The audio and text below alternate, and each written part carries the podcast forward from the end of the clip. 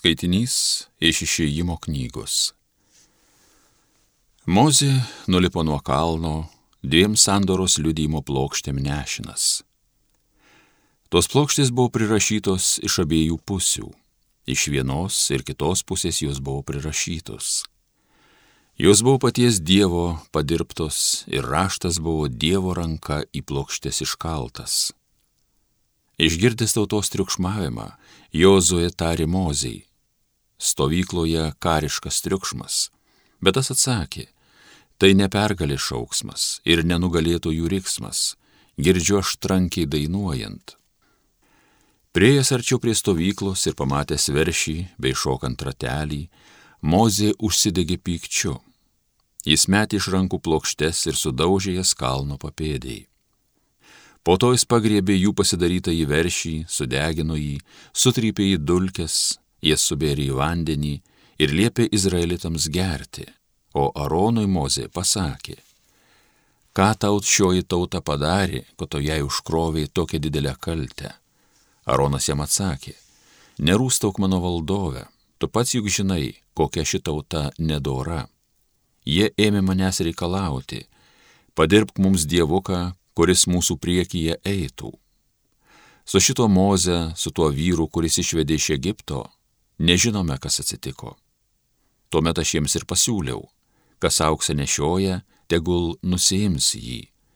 Jie suneši man, aš jį sumečiau į ugnį ir išėjo tas veršis. Rytojus rytą Mozė prabilo į tautą. Jūs padarėte didelę nuodėmę. Dabar aš kopsiu pas viešpatį galbūt aš laimėsiu jūsų nuodėmės atleidimą. Tad vėl nuėjęs pas viešpatį, Mozė maldavo. Ak, ši tauta padarė didelę nuodėmę, ji pasidirbo iš aukso dievuką, o kad atleistum jai nuodėmę. Jei ne, tai išbrauk mane iš savo knygos, kurią esi parašęs. Bet viešpats Mozė atsakė, kas man nusidėjo, tik tą aš ištrinsiu iš savo knygos Dabargi eik ir vesk tautą ten, kur tau esu liepęs. Štai mano angelas žengs tavo priekį. Bet atpildo dienai atėjus, aš atsiskaitysiu su jais už jų nuodėmę. Tai Dievo žodis.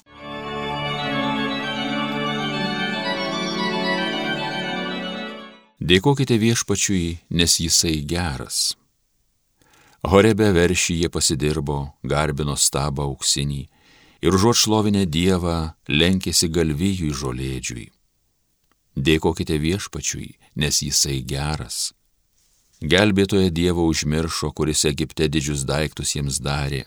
Hamo šaly tiek stebuklų, tiek širpulingų darbų ties raudonoje jūra. Dėkokite viešpačiui, nes jisai geras. Dievas juos būtų jau sunaikinęs, jeigu ne mozė jojo rinktinis Jis juos užstojo prieš Dievą, kad jo rūstybė jų nenusiauptų. Dėkokite viešpačiui, nes jisai geras. Alleluja, alleluja, alleluja. Savo valia tėvas pagimdė mus tieso žodžiu, kad mes būtume tarsi jo kūrinių pirmienos.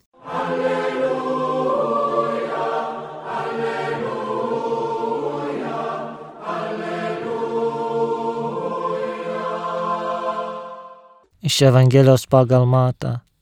Jėzus patiekė minė dar vieną palyginimą. Su dangaus karalystė yra kaip su garstyčios grūdeliu, kurį žmogus ėmė ir pasėjo savo dirboje.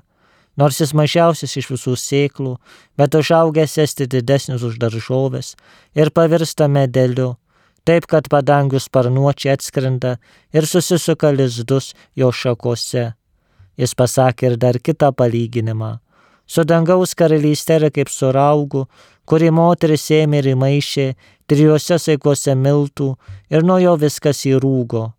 Visą tai Jėzus bylojo miniom palyginimais ir be palyginimus jiems nekalbėjo. Išsipildė, kas buvo pranašo pasakyta. Aš atversiu savo burną palyginimais, išpasakosiu nuo pasaulio sukūrimo paslėptus dalykus.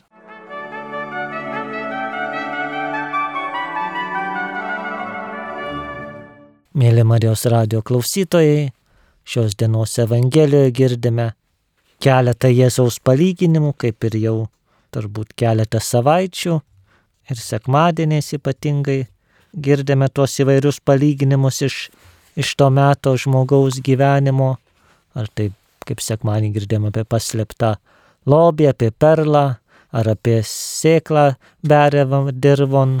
Šiandien girdime apie garstyčios grūdelį, iš kurio išauga didelis medelis, ar apie moterį, kuri maišė tris saikus miltų ir nuo jų viskas įrūksta. Ir Evangelijos ištrauka baigėsi žodžiais, kad be palyginimų viešpats nekalbėjo.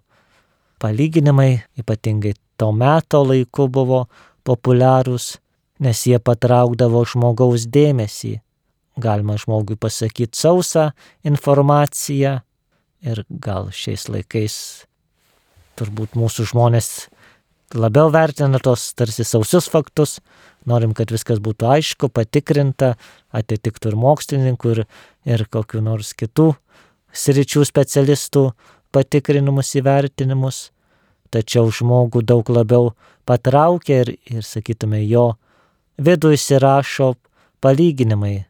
Tai tie tokie netikėti vaizdingi pasakojimai, per kuriuos pasakoma svarbus dalykai. Todėl, kadangi Jėzus viską sakė žodžiu, nebuvo tada nei telefonų, nei niekas iš paskos nevaikščio ir neužrašinėjo jo žodžių, viskas buvo dedamas į atmintį.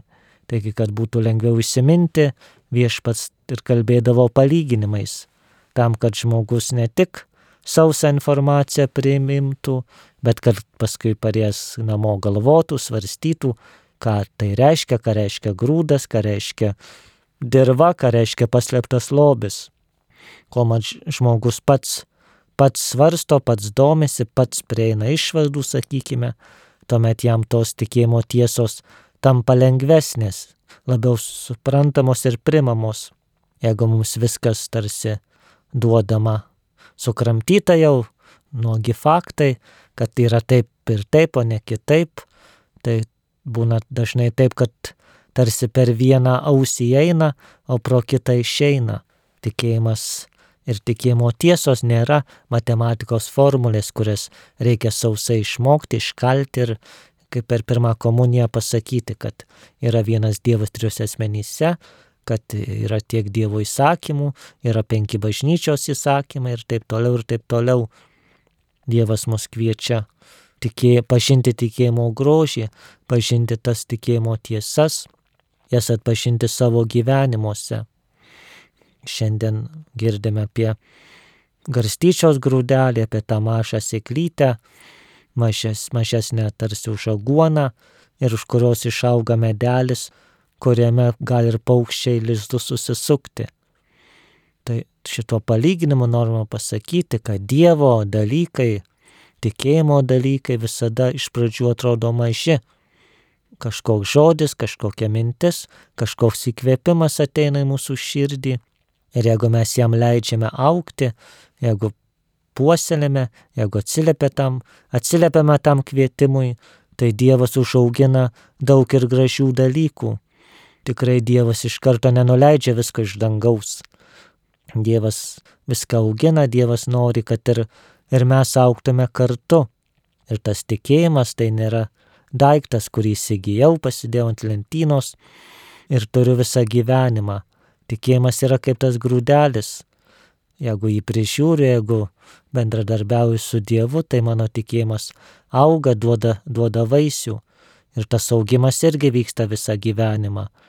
Vienoks tikėjimas yra vaiko, kitoks paauglio, trečias jaunuolio, suaugusio žmogaus, senatvėje dar kitoks tikėjimas. Tikrai labai būtų pražūtinga ir, ir labai gaila, kad kartais žmogus jau sulaukęs ir garbaus amžiaus vis dar gyvena to savo vaikiško tikėjimo suvokimu, kaip kad aš kažkada ar mama, ar močiutė mokė ir, ir niekad nedrįso žengti toliau, paž, pažinti giliau, pažinti daugiau. Tikrai tikėjimas turi aukti, kad jis būtų gyvas. Nuo tikėjimas turbūt kaip tos mielės, nuo kurių viskas įrūksta. Tik tuomet jisai bus tikras ir, ir gyvas ir šiandien minimas šventasis Ignacas Loyola, turbūt žinomiausias kaip jezuitų ordino įkūrėjas ir turbūt ne tik to ordino, bet ir to ignaciško dvasingumo pradininkas. Žinome jo rekolekcijas, kurias raginama ir kviečiama atlikti ne tik jezuitus, bet ir visus, visus norinčius pagilinti tikėjimą. Taigi jis irgi, sakytume, buvo kaip garsyčios grūdelis. Viešpats jį pašaukė iš kario, iš, saky, iš to riterio tapti Dievo kariu, Dievo, Dievo riteriu ir jo pasėtas tikėjimo grūdelis išaugo į didžiulį, didžiulį ordiną, kuris išplito po visas pasaulio šalis. Misionieriai jezuitai buvo ir, ir tebėra ir, ir tikėjimo dalykuose, teologijoje įnešė daug svarbių dalykų ir kaip pagrindė tos rekolekcijos pagrindas, taip vadinamas, visa tai prasidėjo nuo vieno žmogaus ir taip nuo visų šventųjų prasideda, nuo Pranciškaus, nuo, nuo motinos Teresės, nuo, nuo švento Dominiko. Visada Viskas prasideda nuo, nuo vienos širdies.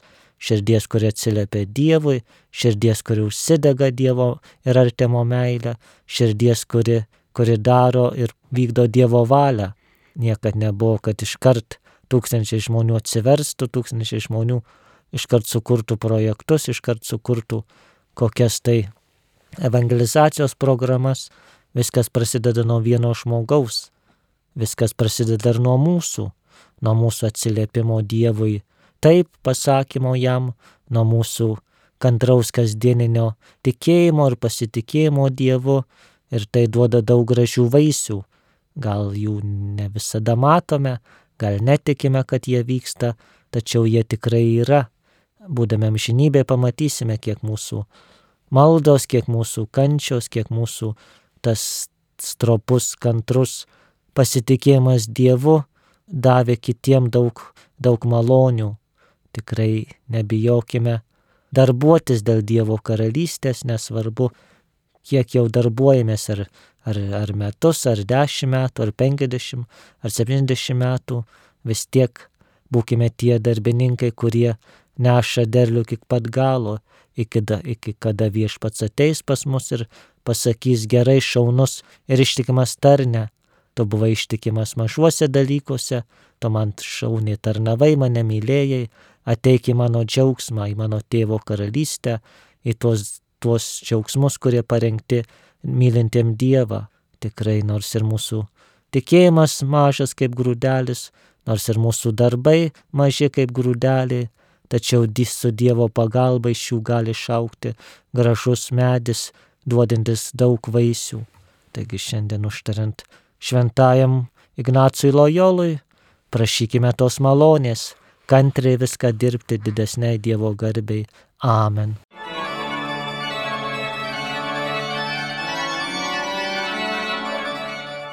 Homilija sakė kunigas Robertas Urbonavičius.